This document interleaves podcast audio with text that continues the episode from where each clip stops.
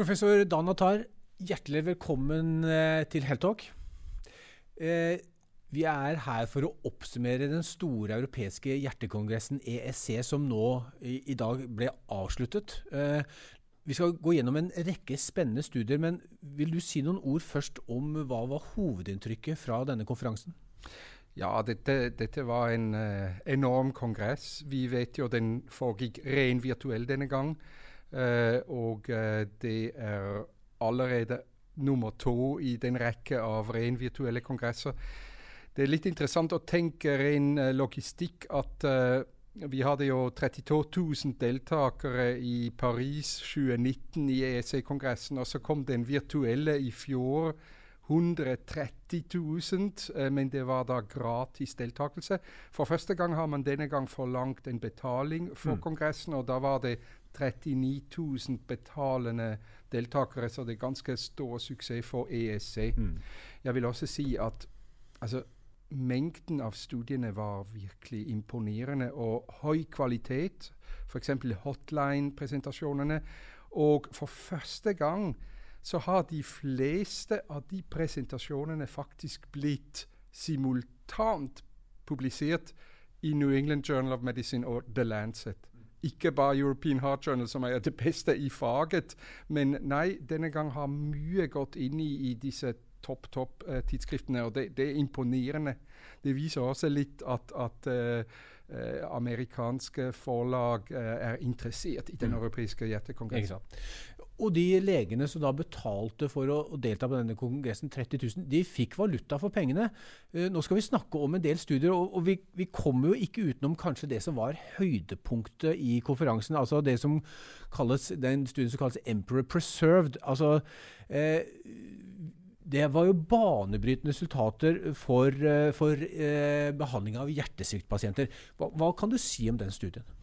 Ja, det, dette er den uh, som man har ventet veldig spent på hva, hva, den skulle vise. Det er jo som bakgrunn viktig å nevne at vi ikke hittils hatt noen noen fornuftig behandling for hjertesviktpasientene med preserved, altså med bevart uh, hjertefunksjon. Mm. Uh, vi kaller den type altså HEFPEF, mm. heart failure with preserved ejection fraction. Ingenting mm. tils nå. Og så har altså Emperor uh, Preserved rekruttert pasienter som hadde den rene HFPF, men også den som heter mildly reduced. Og hva betyr det? Det betyr at HFPF er en EF målt over 50% og mildly reduced, tidligere um, mid-range, men, men nå heter det i de nye guidelines mildly reduced EF. Det betyr EF mellom 40 og 50. Og, uh, og da, da, er det jo veldig interessant, for, de, for den kategori av pasienter hadde vi stort sett heller ingen gode um, studier som var overbevisende som et behandlingsopplegg. Så, så uh, Emperor Preserved har egentlig adressert to veldig åpne spørsmål. Mm. Og, og det spennende, Dette er jo da SGLT2-hemmer som, som, heter empagliflosin, eh, so, som har uh, gjort det da oppsiktsvekkende godt i, i, i, denne studien. Skal vi si litt om, om resultatene som, som, eh, som, denne studien viste? Ja, altså det er en um, veldig klassisk endepunkt man har valgt for hjertesviktstudiet uh, i Emperor Preserved. og Det er den som heter kardiovaskulær død og innleggelse for hjertesvikt. Denne doble endepunkt har man brukt veldig ofte i, i de siste studiene. F.eks. Paragon uh, for fem år siden. og det, det, er et akseptert endepunkt. Og da kan det jo f.eks. godt være at det primære endepunktet er drivet av de nedsatte innleggelser, reinnleggelser. Men det, det, er viktig. det, er viktig, for pasientene eh, med tanke på livskvalitet at de holder seg utenfor eh, sykehus med, med, sin hjertesvikt. For, for, de som drev disse resultatene, som du var inne på, det var jo eh, en reduksjon i frekvensen på sykehusinnleggelser. Mens effekten på kardiovaskulær død, den var der, men, men det var akkurat ikke signifikans. Ja, den var bakt inn i det primære mm. endepunkt, som jeg syns er helt legitimt. Mm. Uh, og så har man uh, jo randomisert mellom placebo og 10 mg empaglifosin, uh, den som heter Jardians. Og riktignok uh, høysignifikant positivt, altså favorabelt endepunkt med 21 uh, lavere relativ risikoreduksjon mm. for, for endepunktet. Det er imponerende bra. I, i sosiale, sosiale, medier eh, på, på kongressen så skapte en stor debatt blant legene. Har dere på, på OUS har dere begynt, og, og, i Norge har dere begynt å diskutere resultatene, eller er det for ferskt? Nei, det er jo helt aktuelt å diskutere det nå når vi, når vi har det. Mm. Eh, det var så heldig at det kom simultant ut hele, hele publikasjonen, så man kan, kan, også gå og granske det i, i dybden. Men, men det som bl.a. var veldig fokus på diskusjonene, det var jo at noen syntes det var jo ikke en ren HEF-PEF-studie, nettopp fordi en del av de pasientene hadde denne mid-range eller mildly reduced mellom 40 og 50 EF. Mm. Og da vil jeg trekke frem én ting som, som, er uhyre interessant. Hvis man gjorde en stratifisering av resultatet i henhold til de tre gruppene 40 til 50 50 til 60, altså preserved, mm. og over 60, altså mm. veldig normal, mm. så var begge de første gruppene signifikant som, som uh, favorabel uh, for, for empagliflosin. Og det betyr at det betyr, det betyr at du da har bevist effekt for de helt for de helt preserved, over 50 mm. mm. og for dem som er mellom 40 og 50 Altså som subgruppeanalyse. Det er lov. Begge signifikant. Det mm. er imponerende. Mm. Nå har jo også uh, dette legemiddelet, eh, epaglifosin, i likhet med eh, konkurrenten dapaglyfosin, som, som heter Foxiga merkenavnet, de har jo fått indikasjon for redusert hjertepumpefunksjon. Så, så, så, men nå er det da altså Empaglifosin har nå ser ut, da eh, Nå har jo ikke de fått markedsføringstillatelse i Europa og heller ikke USA på, på, denne studien, men da ser det ut som at denne, dette legemiddelet får, får, begge disse to indikasjonene, både med og uten redusert hjertepumpefunksjon. Det, det, er jo interessant. Ja, og det er helt betimelig å trekke frem de utrolig gode resultatene som vi hadde 2019 kom DAPA-HF-studien til fordel for dapaglifosin mm. hos uh, HEF REF, Reduced Ejection Fraction, og EMPA Reduced, som mm. kom i fjor, som mm. viser da uh, det samme for empaglitlosin hos HEF REF-pasientene. Og begge har fått EMA-godkjenning for og og også SLV-godkjenning for mm. uh, heart failure reduced ejection fraction. Og, uh, og den, den, den, er så ny, den, de studieresultatene er så nye at vi må selvfølgelig vente hva FDA og EMA og SLV beslutter etter hvert for preserved ejection fraction. Men det, det, det har jo det som du nevner med, med, de to tidligere studier, det har jo store implikasjoner for de nye guidelines. Mm, nettopp. Og Det skal vi komme litt inn på. For, for, for SGLT2-hemmerne de ble jo nå for første gang tatt inn i de viktige europeiske behandlingsretningslinjene for hjertesvikt. Der har de ikke vært før, mens SGLT2 har jo vært på markedet en, en, relativt god stund. De kom først for diabetes, så for hjertesvikt, og nå kommer, også, nå kommer det også for nyresvikt.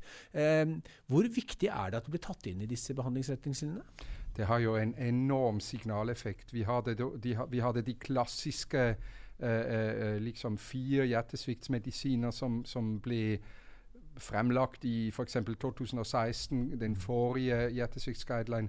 Og nå har vi en helt fersk europeisk hjertesvikts heart failure guidelines. Og da kom SGLT2-inhibitorer, men bare de to, bare empaglifosin og dapaglifosin, altså Jardians og Foxiga, Mm. Disse to kom inn i varmen, men helt inn i varmen. Det er altså klasse 1 Nei, uh, uh, anbefaling klasse 1, uh, level of evidence A. Så mm. det, det, det, er den sterkeste anbefaling. Og Det betyr de, de, eh, de skal brukes ganske enkelt i klinisk praksis for hjertesviktpasientene. Nettopp. Så, så, dette er jo selvfølgelig et, sterkt signal til dere leger om å ta disse i bruk. Hva, vil du si, hva, hva er alternative behandlingen? Hva, hva er det SGLT2-en må måles opp mot av annen behandling? Nei, vi ser det som en uh, Jeg kaller det the big five nå. Uh, de fem store dyr. Ja. Altså de fem viktige hjertesviktsmedisinene. Og uh, i tidligere guidelines da har man jo hatt da, da gjorde man et stort nummer av en sånn sekvensiell opptitrering én efter én efter én. Mm. De nye guidelines har alt i én pose, og den kommer fra start. Så, så de nye guidelines anbefaler at man setter i gang veldig uh, tidlig, uh, egentlig med alle fem medisiner, så lenge pasienten tåler mm. uh, medisineringen, selvfølgelig. Mm. så, så det, det, er en, en ny tilnærming. Det er en spennende tilnærming som både denne guidelines-komiteen og også vi i fagmiljøet er overbevist om kommer hjertesviktpasientene til gode. Jeg må spørre deg også, De nasjonale retningslinjene for, for denne diagnosegruppen, er, har de tatt inn over seg det som de nå de europeiske retningslinjene har eh, slått fast? Mekanismen er jo den i Norge at uh, Norsk kardiologisk selskap gjennomgår uh, eh, EEC sine anbefalinger, og så gjør en type uh, hva man kaller endorsement, altså man tar stilling til det. Man kan også gjøre små modifiseringer som er tilpasset land og geografi og topografi og sånne ting. Og, og alt dette blir da typisk et år efter blir det da lansert også i den norske hjertekongressen. Mm. Norsk kardiologisk selskap. Ja. Mm. Nettopp. Men det var i alle fall en viktig nyhet uh, og en stor og tung og viktig studie med over 6000 pasienter som slår fast altså at uh, gjennom Emperor Preserve-studiene at det er uh, vi kan si banebrytende resultater for hjertesviktpasienter som det ikke, nå, ikke tidligere har vært behandlet for. Det får de nå. Ja, og det siste er kanskje det aller viktigste. Vi har, vi har ikke hatt noen positive studier inntil nå. Og nå har vi for første gang en medisin som fungerer for disse pasienter. Det er imponerende. Mm. Dana, hjertelig takk for at du kom i studio. Uh, vi skal snakke mer eh, også om de andre viktige studiene. Så dere som hører på oss og ser på oss, heng med, så tar vi de også. Takk. Vi skal fortsette å oppsummere den store europeiske hjertekongressen EEC. Nå skal vi snakke om eh, to viktige studier som uh, ble presentert her. Den, eh, de handler, begge studiene handler om bruk av blodfortynner. Den første, som heter Envisers Tavi, den handler om bruk av en, et legemiddel som heter Edoxoban. Eh, etter at pasientene hadde uh, fått kateterbasert implantasjon av aortaklaffer, såkalt TAVI forkortet. Uh, hva viste den studien? Det er en interessant studie, for vanligvis behandler vi pasientene som har gjennomgått en TAVI, en, en kateterbasert aorta eh, kan du si. Mm. Vanligvis setter vi den på platehemmer eller dobbel platehemmer. Det er standardprotokoll. Og så er det noen pasienter som jo har en indikasjon for oral antikoagulasjon. Mm. F.eks. For, fordi de har atrieflimmer. Det er faktisk ganske hyppig i den eldre populasjonen, for, for aortastenose er jo ofte en sykdom hos de eldste. Så hva gjør man da? Inntil mm. nå var standardbehandling Marwan, eh, varfarin. Mm. Og denne Invisage Tavi AF-studiet har da sammenlignet Edoxaban, mm. den som heter Lixiana, mm. med Marwan eh, i etterforløpet. Det er jo faktisk ganske stor studie, over 1400 pasienter etter en TAVI-operasjon. Det er imponerende. Og så hadde man en, eh, et så stort endepunkt som både var de iskjemiske hendelser i etterforløpet og blødninger. Mm. Og totalt sett var resultatet uh, nøytral. Det betyr non-inferiority for den um, edoxaban-arm mm. sammenlignet med Marwan. Men det som var litt uh, skuffende, det var at det var flere blødninger i edoxaban-armen mm. enn i Marwan-armen. Mm. Og det, det, er litt overraskende. Så det trekker litt ned uh, med tanke på uh, det praktiske resultatet. Så, så, så, her hadde Studien nådde jo sitt primære endepunkt, som du var inne på, men det ble mer blødning med, med NOAC-en, altså den avanserte blodfortynneren, enn det som er den, den, gode, gamle og velkjente Marevan. Eh, så, så, hva vil du si eh, til, til, til eh, leger som gjennomfører denne type operasjoner?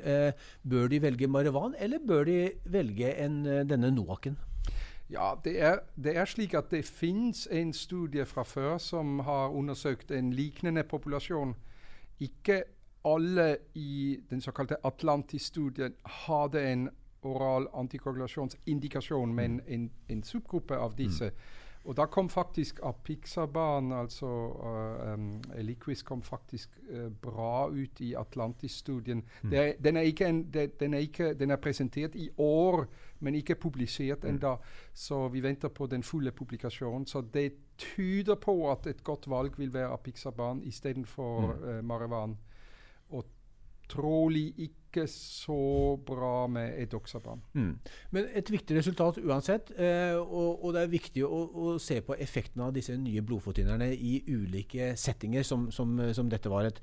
Vi skal gå over til en annen setting, altså et annet tilfelle. Det er altså PCI, altså, altså stenting av, uh, av blodårene. Uh, det er master DAP-studien. Uh, og der var problemstillingen som denne studien undersøkte, var om man skulle redusere tiden med dobbel blodplatehemming for pasienter med høy blødningsrisiko etter PCI.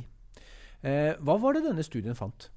Helt riktig, og det, det er jo det er kjekt vi forblir innenfor det trombotiske mm. området. Og uh, her, er jo, her er jo standardopplegg etter PCI er jo dobbeltplatehemming i klassisk tolv måneder. Uh, hvorefter man går over til uh, en singel, altså én platehemmer. Denne studien har da forsøkt å, å redusere den dobbeltplatehemmingsperiode ned til fire uker. Mm. Um, det er ikke helt forbudt å tenke i de barna, nettopp som du sier, hos de pasientene som har høy bløtningsrisiko. Men, men, uh, men, men, det har aldri riktig vært utprøvd, så, så, så Masterdapt har sammenlignet den enmåneders uh, opplegg med 6-12 måneder, og riktignok, den uh, viste non-inferiority for det korte opplegget, hvilket er ganske viktig for klinisk praksis, fordi eh, vi vet jo at eh, forlenget dobbeltplatehemming også medfører mm. trøbbel med, med blødningskomplikasjoner. Mm. Så eh, en, en, på den måten en non-inferiority er en veldig positiv, et positivt resultat i favør av forkortelse av dobbeltplatehemming. Det er interessant. Så, så pasienter da med høy blødningsrisiko de har ingen ting å hente ved å bruke Altså at legen forskriver dobbel platehemming eh, over lang tid, som, som studien viser. Ja, men, men, her er det i høyeste grad nødvendig å individualisere, for mm. det kommer også anatomiske faktorer inn. Mm. Uh, lesion, uh, anatomy og, og, hvordan det har gått med, med selve stentingen. Mm. og og det, det, er mange faktorer, så man, man mm. må nok uh, skreddersy behandlingen fra pasient til pasient. Men, men, i prinsippet er det et grønt lys mm. til mm. å overveie ganske kort uh, dobbeltplatehemming. Dette er en veldig vanlig prosedyre. Den, det skjer jo både akutt og elektivt. Eh, og, og, selvfølgelig fastleger som lytter til oss nå, de, de, har jo ansvaret for pasienten etter utskrivning. Men hvordan bestemmer fastlegen i samarbeid med dere på sykehuset hvordan, om man skal velge én måned eller en, en lengre periode med, med dobbel blodplatehemming? Fordi det er så individualisert mm. og det er nødvendig, så mm. må så må vi spesialister uh, spesifisere det i, vår, i våre epikriser. Det, det, er ingen vei utenom. Mm. Og så har fastlege selvfølgelig full mulighet å, å, å, omgjøre en slik anbefaling, f.eks. når det kommer blødningstrøbbel. Mm. Men, men, det er viktig at, at vi gir klare meldinger. To viktige studier altså innenfor eh, bruk av eh, blodpratehemming. Eh, Envisage Tavi eh, med Edoxoban og Masterdapt, eh, som, som eh, hver for seg ga viktige informasjon og resultater for eh, klinisk praksis. Professor Danatar, vi fortsetter å oppsummere den store europeiske hjertekonferansen ESC. Denne gangen skal vi snakke om eh, et veldig viktig tema. Eh, hjerteflimmer og screening av hjerteflimmer. Det er en sykdom som eh, stadig rammer flere nordmenn, og selvfølgelig i alle land, som henger sammen med bl.a. alderdomsutviklingen. Dette var en dansk studie, Danatar, og det man gjorde her, det var å implanterte såkalt langtids hjerterytmeovervåker, ILR forkortet, eh, hos disse pasientene. Kan du fortelle litt om den eh, prosedyren? For dette er jo et, en, en overvåker, hjerteovervåker som også brukes en del i, i, norsk praksis? Ja, vi bruker det som rutinemetode. Det er en, et lite stav, eh, mm. veldig lite, som uh, i lokal anestesi settes under huden omtrent i, i det her området. Uh, det, det, gjøres uh, Det er veldig enkelt å gjøre det. Mm. Det er faktisk sånn en uh, introducer-sett som, som som, som, er lett å, å, gjennomføre. Men fordelen er da at den overvåker da rytmen kontinuerlig mm. i to år eller tre år, eller hvor lenge man vil ha det. Mm. Og transmitterer da det videre til en mottaker. Så man fanger alt av hjerterytme med en slik uh, device. Mm. Så pasienter og leger som da har mistanke om uh, flimmer, de, de, kan da uh, ta en, en sånn implantering istedenfor å måtte gå med en, en, en, et device eller EKG utapå kroppen i, i, kortere tid, som det typisk blir? Ja, det, det, er fordelen at, at man, fanger, man, fanger, opp mm. alt av rytme. Så vi skal se, snakke om den, den, danske studien. Den inkluderte 6000 uh, personer. Uh, litt over 1500 de fikk denne devicen, denne hjerterytmeovervåkeren, implantert. Og de gikk med dette i, i fem år. Eh, og, og, da viser studiene at eh, man oppdager da atrieflimmer hos 32% av personene i risikogruppen. Det, og det er jo ganske høyt eh, tall. Det som, det, dette er som forventet at har man en device inne, mm. og i dette tilfellet brukte man den som heter Reveal mm. Link, uh, den, den, fanger da opp uh, mye hyppigere små eller lange, men også små episoder med atrieflimmer. Og i den studien har man da anbefalt at det slår inn en indikasjon for antikoagulasjon så mm. snart man har fanget minst seks minutter. Nettopp.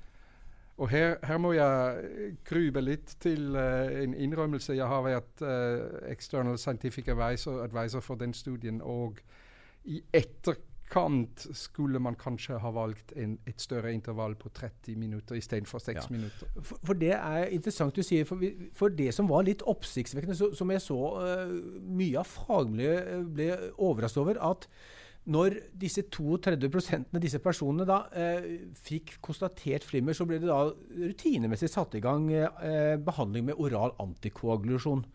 Eh, og det primære endepunktet var da å få redusert risikoen for hjerneslag eller blodpropp. Men denne studien fant jo ingen statistisk eh, sammenheng mellom eh, det å få implantert en slik device og endepunktet. Riktig. Og det var, det var altså bare 20% sammenlignet med 12 og det, det, kom ikke, Selv om det er numerisk bedre, så kom det ikke signifikant ut. Mm. Og det, det, betyr som tolkning at egentlig, egentlig har det ikke medført en, en gevinst når mm. man har gjort en tross alt ganske store innsats og legge inn en rytmedevice. Og det, det, har, det, har, ikke nedsatt uh, slagrate, dessverre, mm. på en mm. signifikant måte. Så i en diskusjon i miljøet, da, da, da sier man jo at kanskje det ikke er kanskje det ikke er verdt å fange opp de asymptomatiske, veldig korte atrieflimmeepisodene. Mm. Fordi det er en annen ting når en pasient kommer og får konstatert atrieflimmer på et EKG. Mm. Da har det liksom vært en eller annen trigger som har gjort at pasienten faktisk fikk tatt EKG. Mm. F.eks. symptom. Og Det er ikke tilfellet med disse implantatene. Nei, fordi Alle de som fikk, ble valgt ut, eh, tilfeldig valgt ut til å få dette, de hadde jo ikke hatt flimmer før. Så det var jo en, en eh, så, så, du tenker da at eh, de, en del av den gruppen som da fikk konstatert flimmer, var i en ikke særlig alvorlig flimmersituasjon, som kanskje ikke hadde nødvendig avstedkommet behandling med, med blodfortynner? Akkurat. Det er mm. en av forklaringene. Mm. Det, det, er sånn man tolker det. En annen forklaring var at man hadde estimert at den andre gruppen, 4500 pasienter som har vanlig rutineoppfølging, mm. at de da hadde veldig få uh, flimmerepisoder 3% antok man, men i virkeligheten var det 12 Ikke sant. Og da, da vanner jo forskjellen vanner seg ut, og, og studien blir negativ. Og Kan det være at, at den prosentandelen av de som fikk påvist flimmer av, av kontrollgruppen var så høy at, at, det å være med i en studie eh, gjorde at de kanskje ble mer oppmerksomme på et mulig flimmer? Det er veldig godt poeng, det. Ja. Det har garantert en innflytelse. Ja, Forresten, vi, vi kjører i, i, Norge en uh, studie som heter Norfib, mm. som har samme prinsipp med å implantere en device og, og se om vi kan redusere slagrisiko. Vi har en veldig liknende opplegg i mm. Norge. Mm. Den studien her, kan den tas i inntekt for altså Det er mange som har ivret for å skrine for uh, flimmer. fordi det er jo en svært alvorlig sykdom når, når, når, og, og, kan gi hjerneslag. Men er dette Vil du si at argumentene har blitt betydelig svekket for, for screeningsargumentet? Ja, det har, det har det, det, det, krever en ny tenkning i, i miljøet rundt, rundt, screening. Helt mm. klart. Mm. Så det er jo ikke alle studier som har positiv signifikans som er viktig. Den, det er også viktig å få av, uh, falsifisert også hypoteser? Det er helt riktig, for, for vi, må, vi, må, jo også realitetsorientere oss i forhold til den, alle de teknologier som kommer over oss. og hvor vi jo ikke bare blindt skal bruke teknologi, men den skal ha nytte. Mm. Så det, det, er veldig viktig med negative studier òg. Ja. Eh, så altså screening i en stor dansk studie av hjerteflimmer den reduserte ikke forekomsten av hjerneslag. Så det er konklusjonen. Vi sitter her i studio for å oppsummere den store europeiske hjertekongressen EEC. Nå er det tre studier som skal uh, til torgs. Uh, spennende studier. Det ene handler om influensavaksine, hvordan den kan bidra til å redusere dødelighet hos pasienter med koronar hjertesykdom. Så skal vi snakke om noe så uh, usøtt som salt. Det er en, studie, en kinesisk studie som uh, fant uh, spennende ting ved å bytte ut vanlig salt med salt som er mindre natrium. Og så skal vi helt til slutt, litt opp i helikopteret, vi skal snakke om droner en svensk, stor svensk og viktig studie som leverte hjertestartere til pasienter som hadde fått hjertestans. Og spørsmålet er ble de levert raskere enn ambulansen kom frem. Eh, ble, vi la oss starte med influensavaksine, Dan. Eh, en, det var også en svensk studie eh, som, som ble presentert. og det, vi, det, studien viste, var at influensavaksinen reduserte dødelighet helt uh, opp til 41% hos pasienter med koronar uh, hjertesykdom. Det er jo sterke tall. Ja, det var Ole Frøbert som uh, presenterte den svenske studien. Det var alle mulige infarkter, non-STEMI og STEMI, mm. omtrent halv-halv fordelt. Mm. Og de ble ganske enkelt randomisert til å få en influ influensavaksine på sykehus, altså før de ble utskrevet, mm. eller eh, en placeboinjeksjon. Mm. Og riktignok, eh, utrolig, så, så, har den altså gitt gjennomslag. Den kom akkurat signifikant ut for det primære endepunktet. Og da ble Frøbert spurt ja, men eh, er det nå en anbefaling at man skal vaksinere folk etter et infarkt før mm. de går hjem. Mm. Og hans svar var entydig ja, mm. det skal man gjøre. Mm. Så det er jo veldig nytt. Eh, vi har jo ikke, vi har aldri tenkt i de, i de banene. Mm. For, for, for, det var, som du sier, Denne effekten ble stor drevet av redusert dødsfall i vaksinegruppen. Altså Der var det 2,9% som, som døde uh, av de som fikk da vaksine, versus 4,9% i placebogruppen. Så det er ganske, du, så det betyr jo, hvis, vi, hvis jeg er rask nok i hoderegning nå, at du trenger bare å, å vaksinere 50 personer cirka, for å, få, å spare ett dødsfall. Ja, hvis, hvis, det, hvis, det, er korrekt, eh, så er det jo oppsiktsvekkende. Ikke sant. Ja. Så, så, det er ingen tvil om at uh, altså Det har jo vært uh, gode anbefalinger at folk med hjertesykdom og andre bakforliggende uh, helseutfordringer bør vaksineres. Det har i hvert fall ikke blitt en mindre godt argument etter denne studien. Ja, og, og jeg tror vi må før vi gjør eh, den store implementering, så må vi nok gå igjennom og fordøye all litteratur rundt dette. fordi nå har man plukket ut mm. influensavaksine, men hva med, hva med andre vaksiner? Ikke sant. Eller hva med koronavaksinen osv. Så, Ja. videre. så, så det, dette, dette må tenkes eh, godt igjennom, men det er veldig interessant at det kom så positivt ut. Mm, interessant. Eh, vi skal til en kinesisk studie som har testet ut hva er helseeffekten, eh, og hvordan kan man forebygge hjerte- og karsykdommer og død ved å bytte ut vanlig bordsalt eh, med salt som har mindre natrium. Eh, det, det er jo Hva var det denne studien fant? Det er kanskje for mange en av de store overraskelser i denne kongressen. Vi er jo, vi er jo i EC ikke akkurat en nutrition-kongress, og dette er jo nutrition, så dette, dette, går, dette går nesten utover det vanlige hva vi, hva vi finner som, som innhold i, i EC-kongressen. Men samtidig så har man jo valgt et primært endepunkt som er kardiovaskulær dødelighet, blant annet. Og ja, man har gjort en, um, en veldig uh, en svær studiedesign med, med flere titusen pasienter. og den ene, den ene delen blir randomisert til vanlig salt, og den andre gruppen randomisert til en salt som inneholdt 25% mindre Mm. natriumklorid. Så det er ikke, ikke engang voldsomt. Hva kom, det, hva kom det i stedet? Det ble en type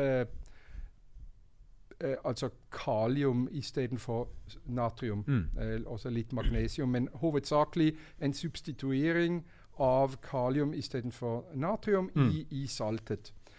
Og så har man fulgt dem nesten seks år, så en enorm studieorganisasjon. Og resultatet er absolutt overraskende.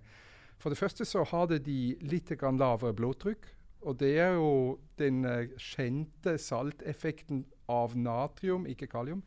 Eh, den var i gjennomsnitt minus 3,3 millimeter Hg. Det i seg selv kan allerede forklare en, en bedre, bedre uh, tall uh, for dødelighet. Mm. Men primært endepunkt, som var altså kardiovaskulært endepunkt, Ja. var høysignifikant redusert for den substituerte saltgruppen. Mm. Og total mortalitet til og med redusert. Mm, så så det, det, det, var, det var overraskende. Altså Forekomst av slag det var studiens primære endpunkt, og den ble redusert med 14% blant de som byttet ut saltet, sammenlignet med de i kontrollgruppen. Altså billig, enkelt og effektivt tiltak. Akkurat. Og, og, og når discussant, uh, professor Brian Williams, blir spurt ja, hva gjør vi av dette, så svarte han det er ingen, ingenting å vente. Dette er soleklart. Nå, må, nå må alle, alle regjeringer, alle land, alle forretninger, alle kokkene, alle restauranter må bare gå og, og substituere det. Så det var veldig bastant og, og spennende at han hadde en klar mening på Ja. det. For det er vel ingen grunn til å tro at, eh, at eh, det å være kineser eller nordmann har noe forskjell på den statistiske signifikansen her. Det, Det er ingen, det er ingen uh, grunn til å mistenke forskjell uh, på den måten, bl.a. fordi blodtrykksreaksjonen er helt lik Mm. uh, på tvers av etnisitet. Og, um, og så er det også det å si at, at um, Jeg glemte hva jeg skulle si. Jeg kan bare stille et spørsmål, da klipper vi den.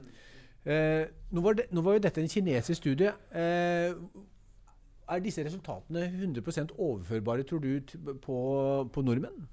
Det, det er de med aller høyeste sikkerhet. eh, for det er ingen grunn til å mistenke at, eh, at det er en, en etnisitetsfaktor inni det, fordi man bl.a. vet at blodtrykkssenkende effekt er, eh, er, er på tvers av etnisitet. Men det, det som er en tilleggsinteressant eh, et moment som man kan ta med, er kanskje har denne økte kaliuminntak hatt en beskyttende effekt? Vi vet ikke. Er det, er det bare det at man nedsetter salt, eller er det kanskje det at man øker kaliuminntak? Så, så, det, så dette er jo en liten sensasjon hvis man eh, skal tørre å bruke det innenfor medisinsk sammenheng. Absolutt. Det er, det er veldig overraskende. Ikke sant? Og, og eh, positivt at eh, noen tar eh, kostnaden på å gjennomføre en stor studie som det ikke er mulig å tjene noen tjener penger på. Bortsett fra at det er selvfølgelig en stor samfunnsøkonomisk nytte. Ja. Danatar, vi skal opp i helikopteret. Vi skal snakke om droner. Det er den siste studien vi rekker i denne sendingen. Det er eh, en svensk studie som eh, så på droner som leverte eh, hjertestarter til pasienter med hjertestans. Og den studien viste at i de aller fleste tilfellene så kom dronen raskere fram med hjertestans, hjertestarteren enn ambulansen. Ja, det er interessant. Det var altså en studie som var uh, gjennomført i et område av 80 000 uh, i befolkningen. Mm. 125 kvadratkilometer, altså mm. ganske stort område. Det foregikk ved Kungselv ved, ved Göteborg-området. Ja. ja. Og uh, ja, disse svære dronene de skulle da levere en hjertestarter eller en ambulanse. Det er fair å si at det var ikke ekte hjertestans. Det var en sl en slags tørrøvelse. Bare for å se. For man, kan, man, kan, ikke gamble med, med, folks liv, så man, man vil først se det, så det var en hjertestandsalarm, ikke en ekte uh, sudden cardiac death. Men allikevel, uh, ambulansene tok elleve minutter tid å komme frem. Uh, imponerende kort. Men dronen tok ni minutter. Mm. Så man har faktisk vunnet uh, to minutter som er kanskje gull verdt ja. for, for, liv eller død. Ja, for når et hjerte stopper, eh, så, så, så, teller jo hvert minutt. I, i, i dag står det i studien, altså, I dag skriver eh, forfatteren av studien så overlever bare én av ti mennesker som får hjertestans utenfor et sykehus. Og det er jo tiden det tar før eh, behandling settes i gang. Eh, så, så de, de, de, par minuttene her kan vise seg å, å ha livreddende effekt. Det er helt sikkert. Og, og visse omstendigheter så som topografi eller vær og sånt kan kanskje gjøre det enda bedre for uh, dronelevering. Så mm. det, det, er viktig. Litt av utfordringen er at når denne, disse dronene som du nevnte, de er store, 22 kg veier droner, så senker de ned denne hjertestarteren i et haug. Eh, men da må det jo også være noen som tar det imot. Eh, for ambulansepersonellet er jo ikke der, de trenger jo ikke denne så det må være da vanlige folk eh, som, som, satte i gang bruken av denne hjertestarteren. Så da trenger man opplæring. Er det, er, er det det hele tatt praktisk, tror du, å få til?